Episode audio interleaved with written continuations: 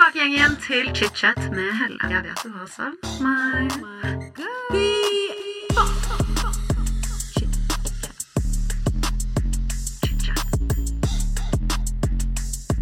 I dag får jeg besøk av humortalent og tiktoker Johanne Messi. Johanne har du kanskje sett poppe opp på For you-pagen din på TikTok, for hun er en kjempegøyal komiker. Helt rått humortalent. Men jeg gleder meg i dag til også å bli kjent med dama bak denne humorfasaden. Johanne forteller bl.a. i dag om oppveksten i Drøbak, tenårene og hvordan hun har brukt humor til å cope med ukomfortable situasjoner gjennom nesten hele livet sitt. Johanne forteller også om valgene hun har tatt som har ledet opp til denne TikTok-karrieren som hun nå har fått. For Johanne har nemlig valgt å droppe ut av studiene to ganger, og dette var jo ikke foreldrene hennes sånn kjempefornøyd med, eh, og det forteller hun om i dagens episode. Vi snakker også om hvordan sosiale medier påvirker oss begge to, både på godt og vondt. Og Johanne snakker om hvordan hun syns det er når folk kommenterer kroppen hennes, eh, og kommer med stygge kommentarer i sosiale medier. Jeg håper dere liker dagens episode. Den var jæskla hyggelig, om jeg kan si det selv. Og det er ikke noe annet å si dere enn velkommen tilbake til chit-chat. Johanne, velkommen til chit-chat. Takk. Du er jo en skikkelig moroklump, og jeg ler så mye av deg på TikTok. Så jeg må bare si, jeg har gledet meg til å bli bedre kjent med deg i dag. Og liksom personligheten bak denne litt sånn humorfasaden, kanskje. Så jeg har gledet meg veldig til å intervjue deg i dag. Men før vi liksom hopper inn i intervjuet, det er jo vært sommerferie. Fortell meg, har du hatt en bra sommer? Eh, Jeg har hatt en veldig bra sommer, men jeg trives ikke i sommerferier. Måte, jeg, eller hvis jeg ikke har full plan. Og det har jeg ikke hatt. Jeg er veldig dårlig planlegger. Jeg er sånn, ja, ja, jeg bare tar det på sparket, liksom. Og så eh, plutselig er alle vennene mine booka et annet sted. Så jeg, jeg blir litt gal av ikke å ha noe konkret å gjøre, på en måte. Men det tror jeg alle blir. Ja. Til en viss grad. Men altså, jeg har sett noen bilder av deg fra Stavern. Du har levd ditt Ja. beste liv også, da. Stavern, herregud. Det var fantastisk. Var det Hot Girl Summer? Um, oh, ja, men det er det som vi snakket om uh, da vi ikke tok opp i stad. At uh, jeg har vært singel for lenge, på en måte. Så nå før så var det sånn hooke alle på byen, og, eh, men nå er det sånn Jeg tør ikke å kysse noen engang. Sånn, hvis jeg gir en klem, så blir jeg sånn Må dusje når jeg kommer hjem, liksom. Neida. Men Så, så jeg syns det er veldig gøy å flørte med sånn litt, og så med en gang jeg skjønner at de vil noe mer, så blir jeg løper jeg. Å ja. Ja. Ik ikke litt klining engang? Nei, nei, nei, nei, nei, nei. nei. Oh, ja, det er såpass, ja. Ja, ja. Så um, Så du har vært en liten tis, du, ja. i sommer. Ja. Men nydelig sommer uansett. Ja, koser meg masse. Herregud, deilig. Hva med deg? Du, jeg har jo løpt rundt med Alex, jeg. Det Ja. har jo vært ordentlig gøy. Skikkelig singelsommer. Herregud. Men eh, ja, nei, dater og jeg, jeg kliner. Det kan jeg si med en gang. Jeg, jeg har levd mitt beste liv. Ja, men jeg, synes det, jeg, jeg er sjalu. Herregud, men Hva slags dater er det du pleier å dra på? Ehm, nei, altså date og dater egentlig, kanskje. Men uh, når man er på festival, da. Jeg syns Ja. det er gøy å kline litt, da. Ja, men Det skjønner jeg. Altså, Venninna mi er jo gæren, så jeg lever jo gjennom henne. på en måte. Å herregud, men Sånn har jeg det gjennom et par mine mine også. Noen ganger kan man bare sitte på sidelinjen og bare se på de bare løpe rundt. Sitte med en drink i hjørnet liksom, og bare wow! Ja, men faktisk. Nei, Men jeg må få frem. Jeg kan ikke drive og holde på sånn her. Det mm, må bli Life is full of awesome what ifs, and some not so much, like unexpected medical costs. That's why United Healthcare provides Health Protector Guard fixed indemnity insurance plans to supplement your primary plan and help manage out of pocket costs. Learn more at uh1.com. When you're ready to pop the question, the last thing you want to do is second guess the ring.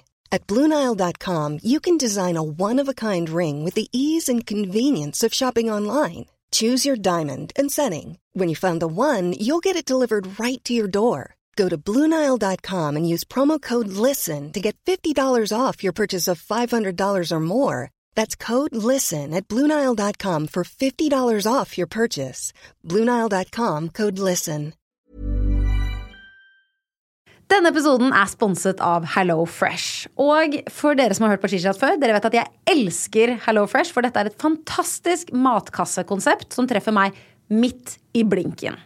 Og for de av dere som ikke vet hva Hello Fresh er, som har gått glipp av det, dessverre, nå skal dere få en full introduksjon, for dette her er altså matkasser som gjør at nordmenn over hele landet får bedre tid i hverdagen, får sunne, næringsrike middager, og det går kjapt og enkelt. Du får altså alle ingrediensene levert på døren i ferdigporsjonerte ingrediensposer. Altså det er musikk i mine ører, i hvert fall. Her trengs det minimalt med effort for å lage middag og for å få en fantastisk smakfull middag. Og spesielt nå som det er vår, dere, så får vi de crispy grønnsakene. Vi får alt vi er keen på nå som solen stikker frem, og det gjør meg lykkelig. For jeg er jo en av de som hater å stå og stampe i køen på matbutikken etter jobb. Så for min del, etter jeg begynte med Low Fresh og sånn matleveringskasse, så bare åh, Jeg får altså send inni meg av å ikke tenke på hva jeg måtte lage til middag. Og det som jeg synes er digg da med Hello Fresh, er at du kan velge mellom 25 nye digge retter hver eneste uke. Og du kan skreddersy akkurat sånn som du selv vil. Så hvis du også vil teste ut Hello Fresh, så vil jeg anbefale deg å gå inn på nettsiden hellofresh.no og bruke koden FreshChat, altså som Hello Fresh møter chitchat. Så det er FreshChat i samme ord. Da får du opptil 1779 kroner rabatt på de første seks matkassene dine hvis du ikke har prøvd Hello Fresh enda. Du får i tillegg også gratis frakt på den første matposen. En liten ekstra ting er at Hvis du har vært kunde før og stoppet abonnementet ditt i tolv måneder, eller mer, så kan du også gå inn på HelloFresh og bruke rabattkoden min. Og det er ingen bindingstid, og du velger selvfølgelig selv leveringstidspunkt. Så gå inn og sjekk ut HelloFresh. Bruk koden FreshChat. Og få en lettere hverdag. Altså, det bare gjør ting enklere. Du får smakfulle middager for hele familien. Skreddersydde som du selv vil. Og bare bruk mindre tid i kø på butikken. Jeg lover deg, det er, det er veldig deilig. Sjekk ut HelloFresh og bruk koden FreshChat. Litt mer sløtt igjen, altså. Altså, Johanne, du må henge med meg og Alex. Ja, jeg, må hører det. med Jeg, må én gang. Jeg, jeg, jeg trenger gruppepress. Jeg lever altfor komfortabelt. Vennene mine er sånn Ja, ja, det går helt greit, Johanne. Det er, sånn, det er det siste jeg vil høre. Det er jo ikke bra. Du må bli litt mer slutty. Ja. Å, herregud. Men la oss hoppe inn i chit-chat. ja. Vi skal bli bedre kjent med deg i dag, som sagt. Så vi bare går helt tilbake til eh, Drøbak. ja. For du er jo 22 år gammel, og så er du jo fra Drøbak, som ligger rett utenfor Oslo. Kan ikke du fortelle litt om hvordan det var å vokse opp i Drøbak? Um, altså, Drøbak er um, uh, Hva skal man si? Folk sier at det er som Bærum, en mini-Bærum, men de fra Bærum er ikke enig. Men det er noen sosser der, og så er det helt vanlig. Det er på en måte en veldig good eh, cast, holdt jeg på å si, med mennesker. Jeg, ehm, jeg, jeg koste meg masse. Jeg, jeg vet på en måte ikke det så, var det så bra at du kunne tenkt deg å flytte tilbake en gang? Ja. Men, men det tenkte jeg ikke da jeg var ferdig på ungdomsskolen. Da var Jeg sånn, jeg, jeg skal ikke komme på besøk her engang. Jeg var helt ferdig. Mens nå det siste året så jeg savna det skikkelig. Men det skjønner jeg. Jeg tror, Er det ikke litt sånn for alle? Ja, jeg tror Fordi i tenårene Det verste jeg visste, var jo familien min. Ja, ja, ja. Sånn generelt, Ja, ja, nesten. ja. Så, men nå elsker jeg det, og nå har jeg bare lyst til å dra tilbake dit jeg også er oppvokst. Jeg skjønner jo det kjempegodt. Nei, og jeg har opplevd også at jeg har blitt venn med folk jeg på en måte ikke taklet på ungdomsskolen det siste året. Og så har jeg skjønt at de er nydelige mennesker. Er ikke det gøy? Ja, så det er veldig gøy å bare se at alle har vokst litt og er sånn hei, du er faktisk ikke et rasshøl, på en måte. Det Åh, men er det ikke litt rart også hvordan det er um, på folk du gikk på ungdomsskole og videregående med? Mm. At hvis du ikke har sett dem på mange år, så tenker du også at de har den samme personligheten Ja, ja, som du så for hva da, fem-ti år siden. Og så blir det sånn stakkars menneske. Kanskje personen var et rasshøl på ungdomsskolen, da. Ja, ja, Men det betyr jo ikke at personen ikke har vokst, men man husker bare det man på en måte sist kjente de for. Ja, ja, hvis det var veldig nordnorsk. Men du skjønner jeg er en av grunnene til at jeg har hatt lyst til å se disse folka igjen. For jeg har lyst til å rette opp inntrykket mitt. Jeg var jo helt psycho på ungdomsskolen. Det har jeg jo lagt ut litt om også. Du var hilarious! Du hadde, du hadde jo ingen filter! Nei, nei. Ingen grenser. Det var nudes til alle som spurte. Jeg prøvde meg på alle i klassen. Og liksom Nei, nei. Jeg hadde null selvrespekt, på en måte. Men jeg savner den tiden. Det er mye morsommere å leve når man ikke har noe selvrespekt. Så det Jeg orker ikke! Dette er kjempegøy! Å, herregud. Ja, apropos en av de hendelsene. Er, jeg var jo selvfølgelig innom TikToken din og gjorde research og sånn før episoden. Jeg må bare si den episoden med hun venninnen din For de som ikke uh, skjønner hva jeg snakker om, gå på Johannes sin TikTok. Øverst, første som er pinnet, hvor Johanne forteller om en venninne av seg i tenårene som hadde datet en fyr litt, sendt noe litt sånn kinky bilder til han, men angret litt. Så skulle da pick me girl nummer én, Johanne, være en supportive ass bitch. Og hun var sånn Fortell selv. Hva var det som skjedde? Nei, for at hun grudde seg så mye til å komme på skolen dagen etter. Bare, å nei, herregud, så flaut. Og så var jeg sånn, herregud, jeg kan også sende bilde til han altså, hvis, det, hvis det hjelper deg. Og hun turte ikke å si nei til det. Jeg husker at hun i hvert fall ikke sa ja. Men jeg sånn, rett på, uten å høre ordentlig med henne, sendte et lite sånn BH-bilde til han fyren, så at hun ikke skulle føle seg alene i gangene på skolen. Det så det er jo helt sykt å gjøre. De var jo sammen da på den tiden. Eller sånn, de var nesten sammen. Jeg skjønner, ja, men jeg er ikke sånn nå lenger. Men det Ja, nei, det var en periode. Men jeg syns det er så gøy. Og jeg elsker selvironien din på det. Fordi la oss le av det. Jeg også har gjort mye corny shit opp gjennom. Altså. Det kan jeg også bare si. Ja, det håper jeg. Jeg tror, Er det ikke det som er litt gøy? å tenke tilbake på at man var litt gæren og rar og gjorde mye rart man ikke hadde gjort som voksen. Det er jo en tid i livet for alt. Ja, ja, Jeg tenker jo at Ungdomsårene er jo på en måte tiden for det. Det hadde vært veldig trist om du holdt på sånn nå. Eller trist og trist, men det hadde kanskje vært litt spesielt. Ja, men det Jeg tenker på er at jeg var veldig lett på tråden på ungdomsskolen, så fikk jeg meg veldig lite. på en måte. Det syns jeg er trist. Altså sånn, Jeg var ikke en ordentlig slutt, og det var ikke min feil at jeg ikke var det. på en måte. Så Det er En veldig god setning. Veldig, veldig, veldig sterkt. Herregud. Men eh, i dag, du har jo et humortalent uten sidestykke, syns jeg. Du er kjempe, kjempegøyal. Men har du alltid likt å tulle og showe og humor? Um, Jeg tror at i tidlig alder så skjønte jeg at jeg ikke hadde så mye annet å spille på. Men altså sånn, det, det skal man være ærlig og si, at jeg var et stygt barn. Sånn Fra femte til i hvert fall niende klasse. Jeg, altså sånn, det var helt krise. Så da skjønte jeg at jeg kan i hvert fall ikke leve på det utseendet her. Så da må man finne på noen andre ting. Og så skjønte jeg jo at jeg fikk i hvert fall vennene mine til å le, da. Og når man ikke har så mye talenter, så blir man veldig fokusert på de få tingene man klarer. Og så bygger man på det, da. Men jeg skjønner jo det, da. Ja. Gud, du er jo ordentlig gøyal. Og det er jo litt det der, den rusen man får av å få noen andre til å le. Ja, ja, ja. Det er jo så gøy. Ja, ja. Og jeg har vært kjempeopptatt av å se på sånn norsk underholdning og Mr. Bean og sånn supernerd. Altså, jeg har jo en bok hjemme der jeg har skrevet ned som for eksempel av Linn Skåber, så jeg har skrevet ned flere sider hvorfor hun er morsom, og analysert alle de som har fått det til. Jeg, og det har jeg gjort siden Det startet jeg med i åttende klasse eller noe, så jeg har vært kjempeopptatt av det. Ok, fordi Mitt neste spørsmål var egentlig om du hadde hatt noen humorforbilder. Men du har vært detektiv, faktisk, når du var yngre. liksom. Ja, ja. Skrevet notater om de du faktisk har likt godt. Ja, jeg eh, Altså, de jeg ser mest Eller tatt mest inspirasjon fra, er vel eh, Lene Kongsvik, Linn Skåber, Espen Eckbo, Robert Stoltenberg og Herman Flesvig. Alle de, da. Så jeg på en måte eh, For eksempel med Lene Kongsvik, det er der jeg skjønte at jeg hadde et litt humortalent. Var ved at jeg så på hennes karakterer, og så satt jeg inne på rommet mitt i 7. klasse og bare prøvde å spille de karakterene selv om og om igjen, og filma meg selv med iPaden min. Og så viste jeg det til mamma, og så var hun sånn wow, et talent. Det visste vi. For da hadde jeg gått på ridning, svømming, dansing. Det var sånn ingen talent å finne, liksom. Og så var det en liten ting, og da Det ga meg veldig mye, da. Moren din bare 'nå kjører vi Nå, på'. jenta mi. Jeg visste at det var noe fint i deg. Liksom. Så Men er ikke det Det må ha vært så deilig for deg òg, da, tenker jeg. Sånn, Ja. Hvis du liksom ikke har funnet din på en måte eh, nisje helt, da, og man har prøvd mye forskjellig. ja. Og i hvert fall det å ace et game som er eh, så skummelt for mange. Altså, Mm. Jeg snakket med en annen på, kollega av meg på kontoret rett før du kom, og jeg var sånn Det å være god i humor må være the biggest flex, fordi det er ingenting verre jeg kunne sett for meg i livet. Og gått opp på en scene foran folk og skulle fått liksom en sal med 100 folk til å le. ja, men det syns jeg også er jævlig. Men, eh, men jeg står i det. Ja. For jeg, jeg tenker også sånn eh, Martha sa jo også det når hun var her, at du tror du skal drite på deg. Ja, ja, ja. Sånn, Det er det jævligste i verden, men bare det er det sykeste også i Ja, men verden. fakt, faktisk. Altså, det var jo Martha som fikk meg til å stå på hangover. Eh, det var vel rett før sommeren. Og da sto Maria Stavang, Sigrid Bonde Tusvik Jeg sto rett etter Maria Stavang. Jeg følte meg litt som Erik Sæther etter Beyoncé, på en måte. Det var jo helt Eh, og jeg måte, uansett hvor mye jeg prøvde å bygge opp en selvtillit, den var der ikke da jeg kom opp på scenen. Jeg var helt sånn Jeg hadde jo ikke Jeg hadde ø, pugga inn det lille manuset jeg hadde øvd på, liksom. Men jeg, det var som om jeg leste uten å holde det. på en måte. Jeg var helt sånn Ingen kan forstyrre meg nå, for da glemmer jeg hva jeg skal si. Så jeg, publikum ble ukomfortable av hvor ukomfortable jeg var. Jeg var. Ja, ja. Klarer ikke å snakke.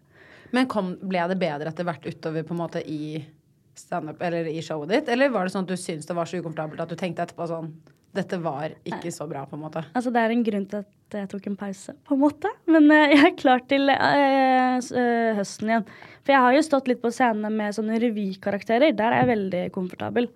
Men det å stå som seg selv, det er noe helt nytt. Og da, det, det må jeg øve på, tror jeg. Men det skjønner jeg jo da, når du går på etter Maria Stavang, Ja. og Sigrid Bonde Tusvik er i lineupen. Ja. Det, altså, det er jo to av Norges mest profilerte komikere. Ja, ja, ja.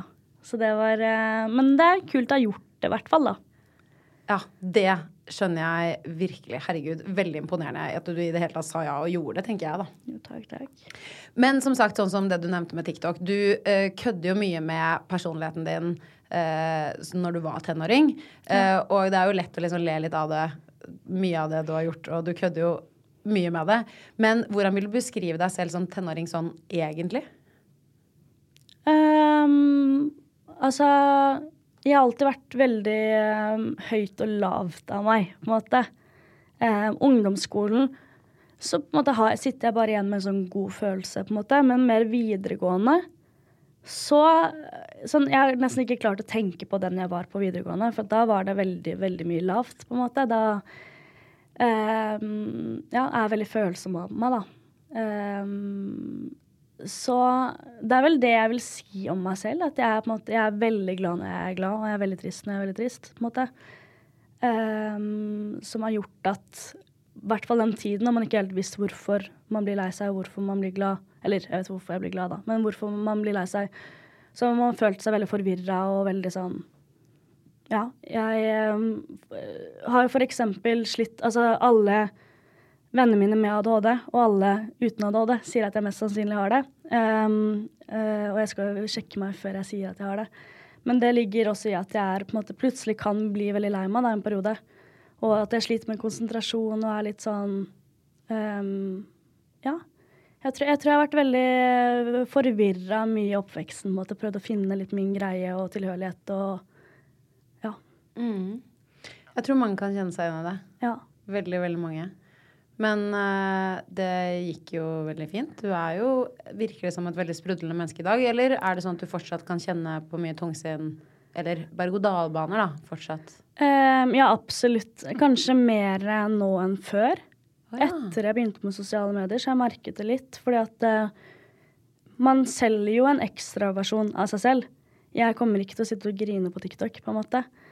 Uh, og når du mater alt de på en måte du, du føler på en måte at du har brukt opp alt det positive i deg, da. Så plutselig så sitter du med en tomhet, og så Hvis du har en dårlig periode, og folk kommer bort og eh, mener at vi er helt like, og at eh, vi burde bli bestevenner og alt det der, så bare føler jeg at sånn Men dere kjenner jo ikke hele meg, så derfor klarer man ikke helt å ta det til seg heller. Så når man er i en dårlig periode, så blir det nesten litt sånn verre av det, på en måte. Um, Jeg skjønner godt hva du mener. Men føler du også at uh, kommentarer og sånn på TikTok også kan påvirke deg um, følelsesmessig, eller er det mer det du legger inn i det selv? Um, begge deler. Altså sånn For min del så er jeg veldig streng sjef mot meg selv. Så jeg, jeg sletter jo ofte videoer. Og det er ikke fordi at det egentlig får for lite likes, det er bare fordi at jeg ikke er stolt nok over at det ligger ute. Um, så hvis jeg på en måte har hatt en uke da, der jeg ikke har lagt ut videoer jeg syns er bra nok, så føler jeg meg shit som menneske. Liksom. Jeg, tar den, jeg tar jobben veldig hjem, da. Og når det kommer til kommentarer, så da jeg startet med TikTok, så fikk jeg nesten bare positivt. Jeg fikk jo noen her og der som var sånn 'du er ikke morsom', men det var jeg veldig forberedt på å få. Um, og så har jeg vært veldig forberedt på å få mer hatkommentarer. For det er jo sånn, i hvert fall hvis man driver med komedie og, eller influensing i seg selv. Um, så har jeg på en måte prøvd å bygge meg opp og være veldig klar for det. Men så er det i hvert fall denne sommeren, da, så har jeg merket at eh, folk har begynt å kommentere på kroppen min og sånn. Og det var jeg ikke helt forberedt på. Um, for da øh, plutselig så blir øh, kroppen din et Man føler at, jeg, at du ikke eier den lenger. Da, at det her er noe alle har rett til å snakke om. Bare fordi at du ligger ute der og poster humorsketsjer, på en måte. Så jeg har følt mye på det. At det er litt sånn Enkelte kommentarer vet jo du at det er enklere å prelle av seg. Men når det er på en måte om kropp og sånne ting, så blir man jo litt Ja, selvfølgelig. Det um, kan jo virkelig hitte hjem, det. Ja. Jeg kjenner veldig på det. Ja. Eller sånn hvis jeg um, Jeg kan ikke lese jodel eller um, Jeg kan ikke ha det Jeg i det det hele tatt. Jeg blir selv. skikkelig påvirket av det. Jeg, jeg hadde jodel før, Og det som var nesten uheldig for meg, er at jeg fikk nesten bare hyllesposter på Jodel. Og jeg visste at det her kommer til å snu. Og så ville jeg bare vente til at det snudde, for jeg ville se hva folk sa. Men nå har jeg slettet det helt, da, for nå har det absolutt snudd. Eh, Men det er jo litt sånn ofte føler jeg i starten at når man er underdog, så Mm. applauderer de deg. Men hvis man gjør det bra nok til en viss grad, så uh, rives man ned mer enn man Ja. bygges opp, da. Uh, og det er litt rart at det er sånn, men, uh, men ja. Jeg skjønner kjempegodt at du tar deg nær av, eh, av det og eh, og litt det der med at du har vært så streng mot deg selv. Jeg kjenner meg veldig igjen i det. Jeg var veldig sånn for et par år siden. Hvis ikke jeg postet til visse tidspunkter, og hvis ikke jeg holdt en timeplan i hvordan jeg jobbet på sosiale medier, så var det sånn jeg, jeg, jeg eh, drepte meg selv psykisk. Altså Ja. sånn, Jeg tok det så hjem. Jeg kunne sitte og gråte. Og det var sånn, flere av vennene mine var sånn Jeg skjønner ikke hva du driver med, sånn, men jeg har lagt et press på meg selv. ja. Jeg har sagt til meg selv at jeg skal gjøre visse ting. Eh, og det kunne sammenlignes med at jeg hadde strøket på en eksamen i et fag liksom, som Ja, jeg, jeg hadde virkelig prøvd å gjøre det godt i. Ja, ja. Så, så jeg, jeg kjenner veldig den følelsen du sitter og forklarer nå. ja. Ja. Men ja, vi får bare prøve å la det prelle av, oss, fordi ja, Ja, ja. Det er bare sånn det er. Ja, en men absolutt. Man får jo mye tykkere hud. Jeg merker jo at de fleste kommentarer er lettere å prelle av nå enn før. Men det er med en gang den er veldig spesifikk. Veldig sånn 'jeg så deg der, og du ser sånn og sånn ut', på en måte. Da er det sånn 'oi, shit'. Men Og det er så ufint, ass. Ja. Åh, jeg kjenner jeg blir sånn Jeg blir nesten litt sånn kvalm av det. Jeg Ja. blir sånn Jeg syns jeg får så bismak av det, liksom. Men uh... Og så føler jeg at det er en veldig sånn kultur blant offentlige da, å være sånn Å ja, men jeg bryr meg ikke om hatkommentarer. Og jeg er mer der at man heller burde få lov til å si at det suger å få de. Liksom, I hvert fall enkelte, da. Sånn at folk som skriver de, for jeg tror ikke de tenker at det egentlig har noe påvirkningskraft, bare får vite at du har gjort en Du har gjort en dag til dette mennesket dårlig, da. Kanskje. Og ja. jeg tror det er viktig å snakke om det. Og i Ja. hvert fall være ærlig. For noen mennesker så preller det sikkert helt av, men for andre så gjør det ikke det. Og det må være lov å si at man tar seg nær av uh, kjipe kommentarer selv om man selv har valgt å være et offentlig menneske. Ja. Ja, det syns jeg virkelig. Men uh, litt tilbake til livet. ja. Du, eh, etter videregående, Ja. så valgte jo du å begynne på BI. Eh, Jeg gikk først folkehøyskole. Folkehøyskole først, ja. Eh, og da gikk jeg, gikk jeg standup og revy. Men det var jo sikkert kjempegøy, da. Ja, veldig gøy. Vi kom, ikke, vi kom aldri til standup-delen pga. korona. Det, Å, ja. Men det er jeg veldig glad for når jeg ser over den teksten jeg skulle levere. Så det var jo helt jævlig. um, og så begynte jeg på manuslinja på Westerdals. Og gikk der ett og et halvt år, og så droppa jeg ut. Og så hadde jeg et halvt år der jeg jobbet i barnehage og begynte med TikTok. Og så begynte jeg på BI en fadderuke, og så droppa jeg ut. Så jeg droppa ut to ganger, da.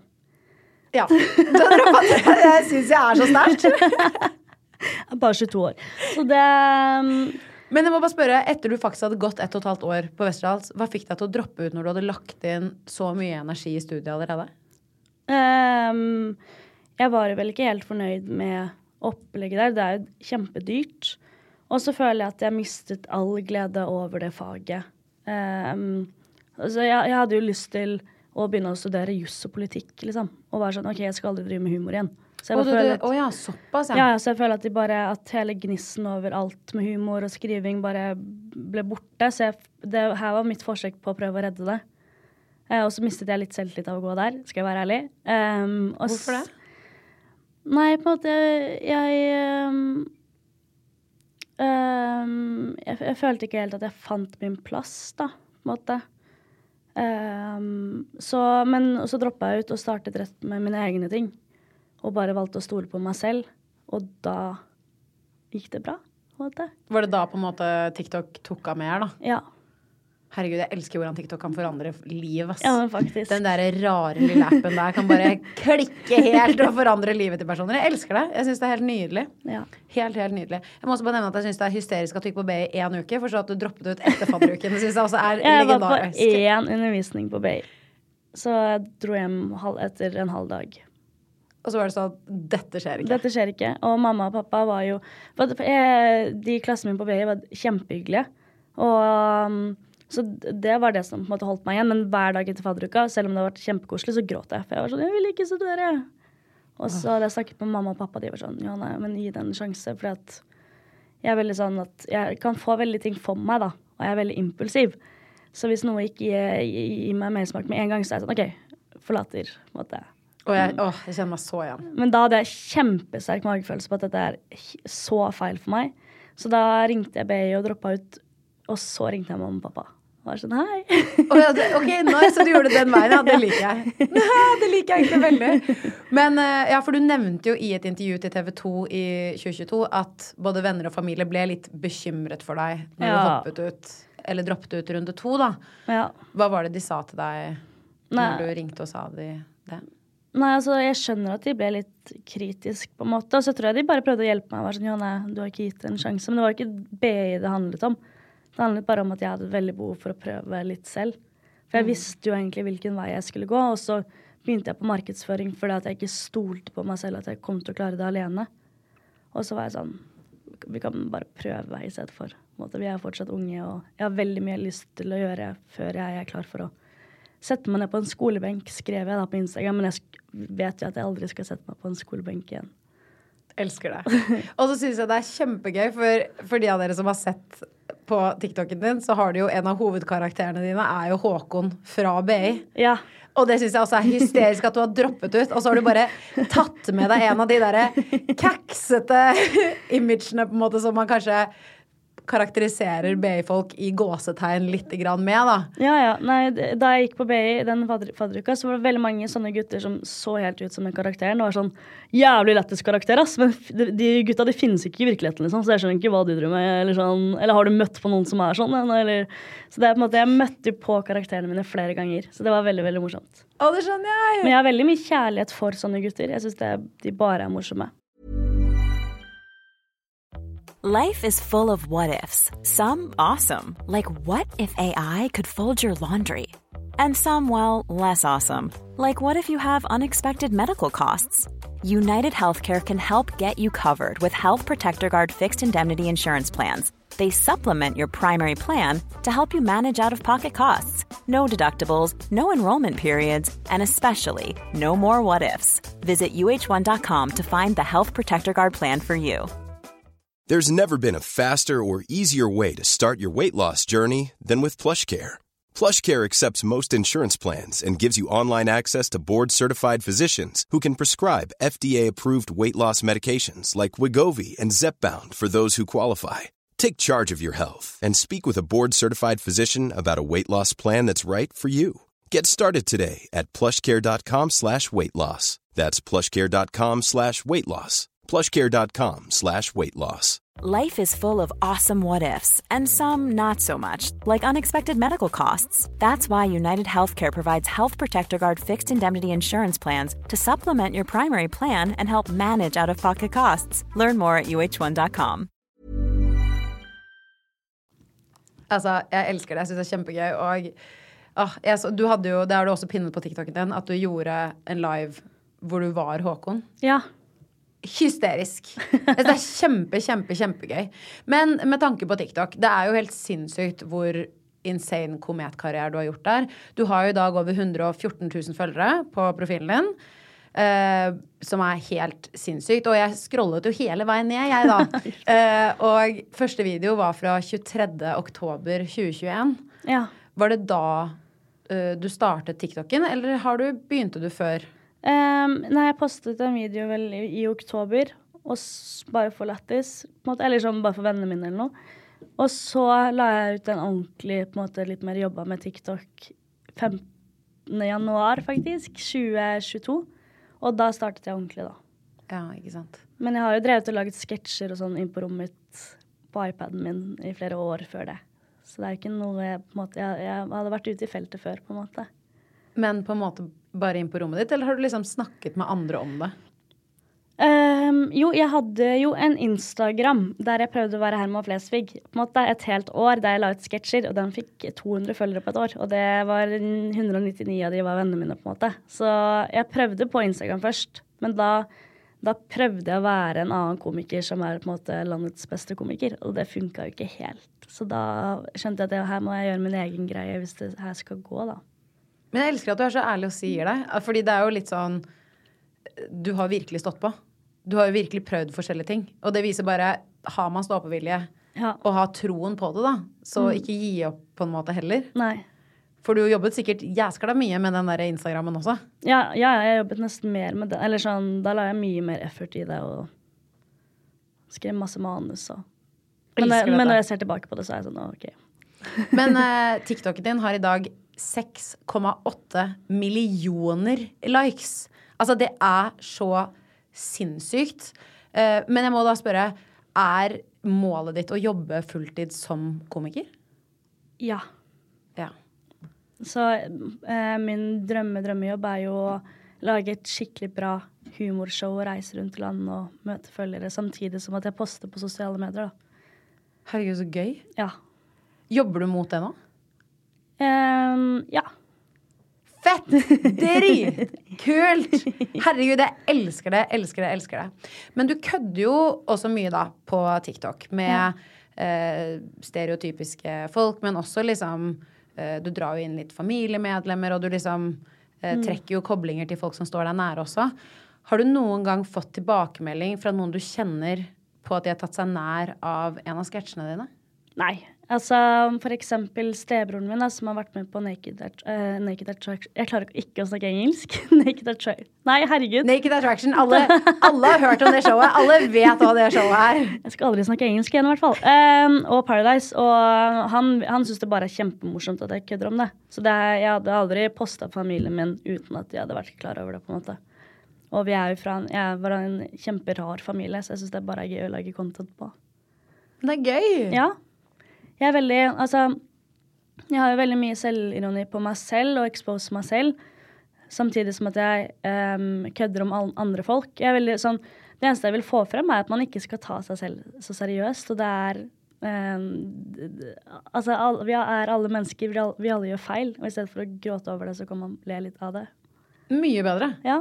Tenk hvis alle hadde vært litt mindre selvhøytidelige. Ja, ja. Tenk hvis folk faktisk hadde sagt det de tenkte.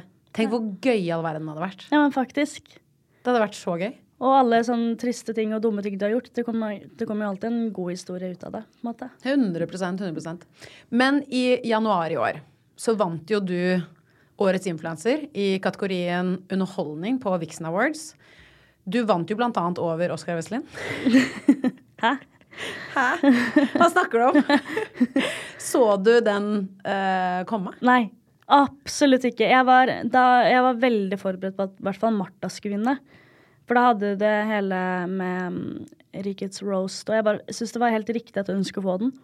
Så jeg var helt sånn Ja, ja, Martha vinner den, og det er helt greit for meg. Så jeg ble veldig sjokkert, men det betydde veldig mye for meg da. Ja, det skjønner jeg. Ja.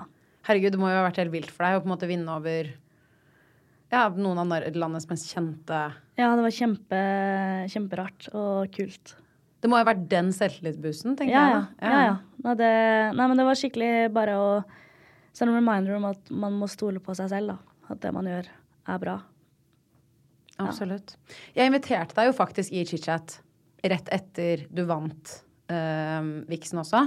Mm. Og da sa du at du ikke følte deg helt komfortabel enda til å på en måte dele så mye personlig, eller bare å sitte og snakke. Um, hva føler du har forandret seg etter den tid? Nå har jeg begynt å poste mer på Snap, der jeg er meg selv. Men jeg, da jeg startet med TikTok, så gjorde jeg det jeg var mest komfortabel med, som var humor. På en måte det er sånn Hvis noen ikke likte det, så likte de bare ikke humoren min. Synes det er verre at folk ikke, ikke skal like meg, på en måte, og kan ta meg på andre ting. Og det jobber jeg fortsatt med. At jeg syns det er skummelt å dele av meg selv. Og det jeg syns er skummelt med podkaster, er at eh, jeg er redd for at formuleringer Jeg er veldig redd for å bli misforstått når jeg er meg selv, da. Ehm, så det er egentlig bare en øvingssak. Det her er jo en utfordring for meg, men jeg vil bare bli mer komfortabel med det, da. Men det der, altså det er så mye du har sagt i dag som jeg kjenner meg igjen i. Og det å øhm, bli misoppfattet, Ja. det er også min største frykt. Og når jeg sitter her i Chicha selv, og jeg skal begynne med miniepisoder hvor jeg liksom sitter og bare snakker, eh, bare jeg også, og jeg er så redd for at noen skal liksom trekke én setning ut og Ja. liksom gjøre det til noe helt annet enn det det er, da. Ja. For vi har jo alle sett overskrifter i media hvor ting bare ser katastrofalt ut Ja, ja, tid, liksom. ja. Så det der er bare Ja, det er også min største frykt. Men så blir jeg altså litt sånn hvis man, hvis man prøver, da, virkelig Jeg vil i hvert fall ikke såre noen, og det tror jeg ikke du vil heller. Nei. Og man prøver virkelig å tråkke rundt det, så blir jeg litt sånn Hvis det hadde kommet en overskrift, da. Gå inn i artikkelen, på en måte. Gjør Ja, ja, ja. litt research før man sitter der og på en måte snakker om noe man kanskje ikke vet noe om. Faktisk. Så jeg også har vært litt sånn Jeg er den jeg er. Ja. Det får bare være, liksom. Og så, hvis du ikke liker meg, så går det helt fint. Ja. For det er mange mennesker der ute, og alle kan ikke like alle. Og sånn er det bare. Men er du veldig sånn Er du noe sånn kontrollfrik av deg? Er eller liker du å snakke løst om ting og Altså sånn jeg er med mine øh, venner, så er jeg ekstremt åpen. Sånn, jeg kan egentlig snakke om alt. Ja. Um, mine innerste innerste følelser sliter jeg veldig med å dele med noen som helst, egentlig. Men det er sånn tror jeg kanskje de aller fleste har det. Men jeg kan snakke liksom veldig åpent om sex og Uh, liksom Jeg er veldig åpen med moren min om alt mulig rart. Jeg kan ringe liksom søsteren min og snakke rett fra levra. Men når det kommer til chit-chat og podcasten, så er jeg jo kjemperedd for at folk skal misforstå meg eller tenke at jeg er et annet menneske enn det jeg kanskje er. Fordi Ja. Det er litt sånn når man går på jobb, jeg tror de aller fleste kan kjenne seg igjen i dette, at du er et annet menneske på jobb enn det du er privat. Og litt sånn som du sa også om at du har liksom brukt humor som en liten sånn eh, vegg da, til å beskytte deg selv. Ja. Um, og jeg merker at jeg liksom er sånn Jeg er veldig annerledes privat også enn jeg er i podkasten. Jeg er meg selv, og jeg kunne aldri sagt noe jeg ikke mener, men jeg er showhelle. Ja, ja. Jeg er et annet menneske. Jeg sitter her og liksom yeah, yeah, yeah, woo, woo, woo. Hjemme er jeg mye mer rolig, Ja. men også mye mer åpen. Um, men jeg, jeg er kjemperedd for å bli misforstått. Altså. Det er jeg hele tiden. ja. Uh, og jeg også tror jeg har liksom bygget en sånn vegg rundt meg. Men det er den jeg prøver å rive litt ned nå til høsten. da. For jeg skal prøve å være mer åpen. Jeg skal prøve å legge ut mer på Snapchat. Bare vise mitt vanlige liv og hvem jeg er. Ja. For jeg føler også at jo mer man vet om en person, jo mer tolerant er man med dem. Det er veldig sant. Det er sant.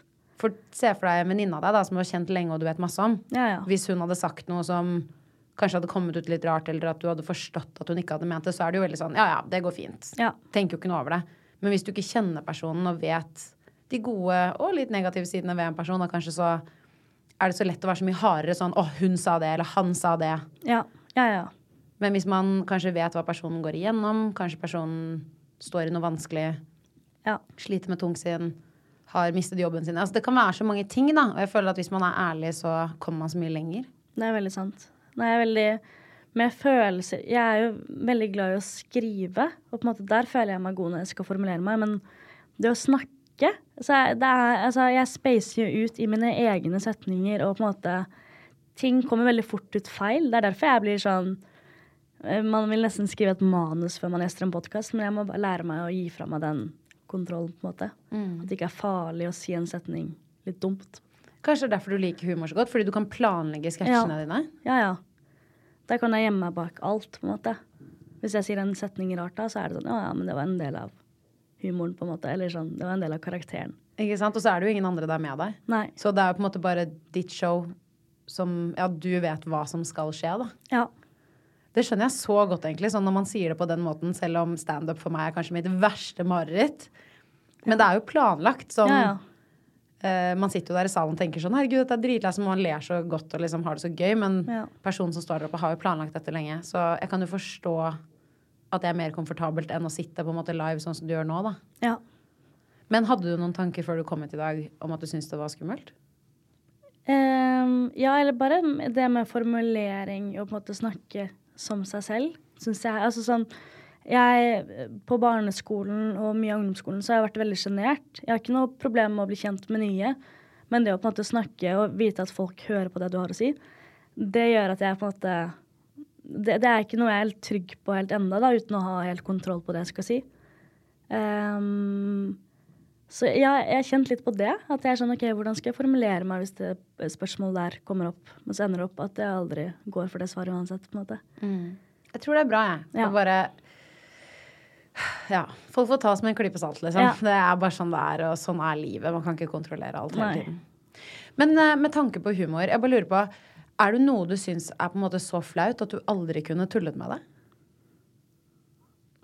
Ja, det er sikkert noe jeg har gjort som er sånn Ja, det, ja, det er sikkert noe der, ja. Ja, ja, ja. Ja, nei, det er, det er nok begrenset hva jeg kan kødde om, tror jeg. Ja, du tror det? Ja. Så jeg, jeg er 90% åpen for mye, men så er det sikkert noe jeg hadde vært sånn nei. Ja. Jeg kan jo forstå det, da, fordi Men igjen så er det sånn, jeg føler noen ganger at komikere de bjuder så sinnssykt på, liksom. Men sånn, jeg føler jo at noen ganger så lager de manus ut ifra liksom de cringeste opplevelsene på en måte i livet sitt, og så får de det fortsatt til å gjøre det til å gjøre det gøy, da. ja, men det er kjempebefriende å snakke om noe man syns egentlig er helt jævlig. Så det Målet mitt er å være 100% og kunne komme dit at ingenting er flaut. Og jeg, jeg, jeg hyller jo mennesker som tør å snakke om alt. Helt enig. Ja, Så jeg vil jo komme dit en dag, men jeg har fortsatt litt sånn ah. Er det ikke rart at du og jeg hyller folk som er åpne og snakker om alt, og som er liksom de største liksom, eh, humorfolka i verden fordi de er sånn som de er, men så sitter vi her fortsatt og syns det er så vanskelig å være åpne selv? Ja. Men jeg syns du er veldig flink til å være åpen, ja. Ja, syns du det? Ja. Jeg jobber med det. Det, jobbes med mye. Men jeg kan godt gå Det skjer ofte at jeg kan gå hjem fra studio og tenke sånn Ja, da var det enda en dag hvor jeg delte altfor mye. Men jeg tenker også at det er litt sånn Det er den jeg er. Og så Ja. får folk bare ta meg for den jeg er, liksom. Men eh, med tanke på liksom det mer personlige planen som vi snakker om nå, føler du at du eh, bruker humor litt som en sånn coping-mekanisme for Ja, når ja. livet er utfordrende? Absolutt. Ja, ja. 100 Ja, ja, ja, ja. ja, ja. ja. Mm. uh, ja, nei, det er jo bare så klart ja at det er uh, Altså, jeg eh, Til og med med vennene mine, de jeg har nærmest Hvis jeg har gått gjennom noe som er veldig vanskelig, så kommer ikke jeg til å sitte og grine foran det mennesket uten å kødde litt, på en måte. Det er sånn det er kjempeukomfortabelt for meg å være helt seriøs. Så det Ja. Mm, men det skjønner jeg godt også. Altså, herregud, eh, lillesøsteren min da jeg vokste opp, Ja. hun har en sånn greie at hvis hun eh, blir lei seg eller redd, så får hun bare helt lættis. ja. Og det er kjempe ikke greit, liksom. Ja. Sånn, jeg husker jeg, det, det rakna for meg hvis jeg var så sint på henne, så sto hun bare i et hjørne og lo.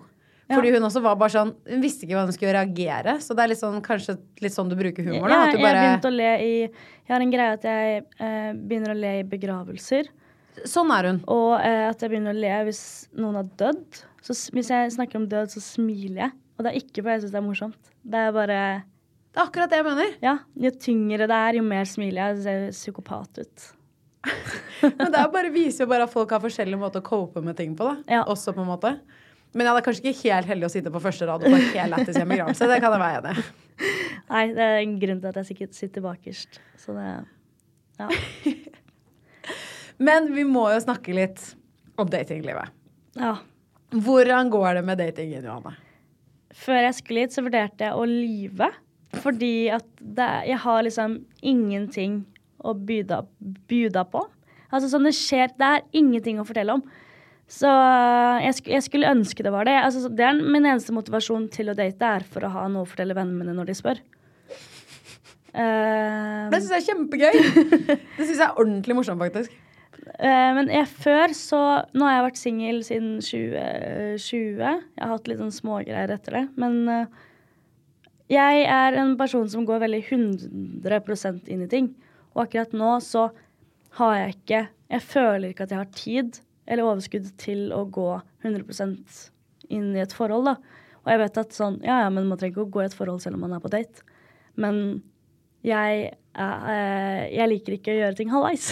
Så det er sånn, jeg kommer ikke til å dra på en date med en person jeg ikke ser for meg at det kan skje noe mer med. Ja, men det skjønner jeg. Ja. Det, det, de, det driver faktisk ikke jeg heller med. Jeg har gjort det litt i sommer, faktisk. Da tar jeg det tilbake. Men det er fordi jeg er veldig nysingel, og så Ja, ja. vil man bare sysselsette seg selv. Og så Ja, kjenner man ikke personen. Men jeg skjønner godt hva du mener med at det er litt sånn når man har vært singel en stund, så Ja. går du ikke bare på date hvis du, først, hvis du ikke går på date så ofte, da. Så er det ikke Ja. sånn at du bare Å, den personen kunne jeg aldri sett for meg noe som helst med. Nå drar jeg ut for å henge med den personen og snakke piss i fire timer, liksom. Ja, selv om jeg syns det er kjempegøy å dra på date. Så det er ikke noe, jeg har ikke noe problem med det. Jeg syns det er veldig gøy å bli kjent med nye mennesker. Men når jeg vet selv at jeg ikke er åpen for noe mer, så vil jeg ikke waste tiden til noen andre, da. Men selvfølgelig, hvis den rette personen faller ned fra himmelen, liksom, så kommer jeg ikke til å være sånn Nei, jeg har ikke tid. Men akkurat nå så er det ingen jeg ja, man, har, man har jo tid til de man vil ha tid til. Det er jeg så enig i. Ja. Når man er sånn eh, Selvfølgelig, du kommer til å jobbe mye og skal fortsette med humor og alt det der, men det er jo litt sånn hvis man vil, Ja, ja. så får man det jo til. Ja, men faktisk.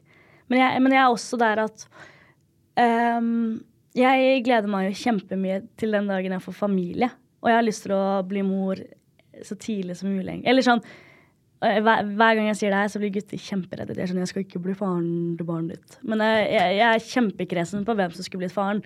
Så det er ikke sånn at jeg kommer til å dra på Heidis i morgen og vært sånn OK, vi tar den beste. Um, men hvis jeg hadde hatt drømmemann nå, og økonomien på plass, så kunne jeg blitt mor nå. Oi, du har skikkelig Ja, lyst ja. på kids. Ja, ja. Så mitt sånn mest ideelle eh, situasjon, det er sikkert skummelt å si høyt, men det er sånn når jeg er 28. Så derfor har jeg lyst til, nå som jeg er 22, og bare fokusere masse på karriere. Og sånn at jeg har tid. Jeg vet at det Herregud, jeg elsker dette. Jo, men jeg syns det er deilig å høre det, fordi man hører Jeg har så mange forskjellige gjester som har lyst på barn veldig forskjellig. Ja, jeg hørte episoden med Amalie og deg. Ja, ikke sant? Og da var det jo helt omvendt. Ja, ja. Uh, helt omvendt, men det er derfor jeg elsker å høre dette òg, fordi det viser også forskjellige preferanser og forskjellig liksom eh, Ja, bare hvordan man ser for seg forskjellige liv. Ja. Og det er deilig å høre forskjellige perspektiver, for det er jo ingenting som er en fasit mer enn noe annet. Nei, nei. Og så er det jævlig kult å høre liksom en person som driver med humor som bare er sånn Jeg vil ha familie, Ja, ja. men jeg vil også på en måte få til et turnéliv og ha det fett. Men jeg har lyst til å være ung mamma, da. Ja, men det, eh, ung mamma er bare en preferanse. Jeg kommer ikke til å ofre alt for å Jeg er veldig opptatt av at jeg kan skifte mann, men barna mine kan ikke skifte pappa. Så det er sånn Det skal være riktig. Hvis jeg ikke treffer han før jeg er 33, så er det en Da er det ikke Da blir det ikke før jeg er 33, på en måte. Men det er riktig prioritering. This message comes from BOF sponsor eBay. You'll know real when you get it. It'll say eBay Authenticity Guarantee. And you'll feel it. Maybe it's a head turning handbag, a watch that says it all, jewelry that makes you look like the gem, or sneakers and streetwear so fresh every step feels fly. eBay gets it. So look for the blue check mark next to that thing you love and be confident that every inch, stitch, sole, and logo is checked by experts. With eBay Authenticity Guarantee, you can trust that feeling of real is always in reach. Ensure your next purchase is the real deal. Visit eBay.com for terms. How would you like to look five years younger? In a clinical study, people that had volume added with Juvederm Voluma XC in the cheeks perceived themselves as looking five years younger at six months after treatment. Look younger, feel like you. Add volume for lift and contour in the cheeks with Juvederm Voluma XC. Reverse signs of aging by adding volume to smooth laugh lines with Juvederm Volure XC.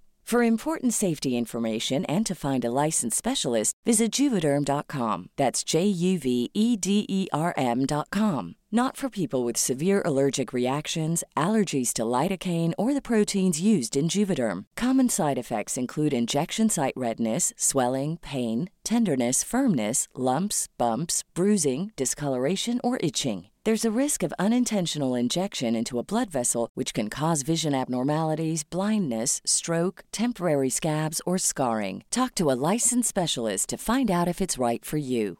Hello, this is Danny Pellegrino, host of the Everything Iconic podcast, and I'm here to tell you all about Splash Refresher because hydration is mandatory, but boring is not. Now, I love my water, but if I don't spice it up, I'm not going to finish what I took out of the fridge. That's why I love my Splash Refresher, which is flavorful, delicious, bright, hydrating, and zero calories. The wild berry flavor is my fave. No, wait, is the pineapple mango flavor my fave? You know what? All five craveable Splash Refresher flavors are my fave because they're so delicious. So get hydrated and enjoy it with Splash Refresher. Ja. Det er veldig riktig prioritering. Personen du skal få barn med. Herregud! Ja, det- Tenk på det! at Man er stuck sammen for resten av livet! Man blir aldri kvitt hverandre. Nei, nei.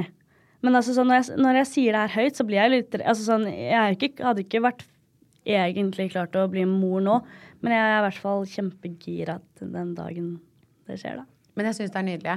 Du kommer til å bli sånn, Hvis man har hørt på Lørdagsrådet, som man sikkert hørt Live Nelvik si det, at når hun møtte Tore, Ja. så var hun sånn Jeg fikk et indre kall om at vi måtte formere oss. Har hun sagt flere ganger. Og jeg føler at hvis du hadde blitt skikkelig forelsket, så hadde du også vært sånn Formering! Å, herregud. Å, ja, nei, men jeg tror det. Men altså, jeg er der at hvis jeg ikke finner en mann, så Jeg snakket med venninna mi om det. Sånn helt seriøst. Det er hun jeg øh, vokste opp med, holdt jeg på å si, og bor sammen med. At hvis vi begge er litt over 30, og vi begge ikke har For vi begge har hatt lyst til å være unge mødre, eller bli det. At da adopterer vi en kid sammen, og bare Oi. oppdrar de sammen. Jeg vet ikke. Men det her er noe jeg sier som 22-åring. Det kan være når jeg er 28, så er det sånn Hva faen er det du sier? Men jeg syns det er en kul tanke. Det er Ja. morsomt at dere har faktisk snakket om det, da. Ja. Og diskutert og vært sånn Dere kunne tenkt å vært to mødre som ikke er kjærester, men som er mødre sammen, liksom. Ja, ja. Elsker det. Men jeg syns jo det er kult med litt alternative familier. Da. Jeg Ja. mener jo at kjærlighet kommer i alle mulige former og ja. fasonger, liksom. Det, så lenge det er kjærlighet, så er det liv. Det er sant. Herregud, dette har vært helt nydelig. Men vi må snakke litt om planene for høsten også. Ja. Du sa jo at du egentlig har lyst til å jobbe mot å liksom drive mer med humor. Eh, at du skal være mer live, stå på scene. Skjer det noen liveshows til høsten nå? Um, jeg, jeg har mer lyst til å um, bli tryggere på scenen, så bare starte med sånne klubbscener på standup. Uh, og så har jeg lyst til å jobbe mot et stort show. Men først har jeg lyst til å bli trygg på scenen. Ja, det skjønner jeg jo. Så det er jo en prosess, det først. Ja, herregud. Ja. Det er mitt verste mareritt. Faktisk. Eller sånn, det virker dritgøy, men fytti grisen, så skummelt. Men tenker du da sånne små standup-scener i Oslo-området, da? Sånn Ja. Josefines og sånne steder? Mm, jeg syns det er grusomt, men jeg må bare gjøre det. Å, herregud, du må gjøre det. Jeg skal sitte front row. Å, herregud, dette har jeg skikkelig, skikkelig lyst til å se. Martha Leivestad sa jo at man måtte stå ti ganger før man kunne si om det var gøy å stå eller ikke. Og jeg har syv ganger igjen. Oi. Ja, så jeg prøver å jeg skal, jeg skal ikke ta en avgjørelse enda om jeg vil fortsette å gjøre det. da, Sånn vanlig standup, på en måte. Men jeg vil, på, jeg vil stå på scenen uansett. Jeg elsker at du pusher ut av komfortsonen. Fordi det er ikke digg for noen. Nei. Men jeg syns det er megafett. Ja, man kommer ikke noen vei hvis man ikke gjør det.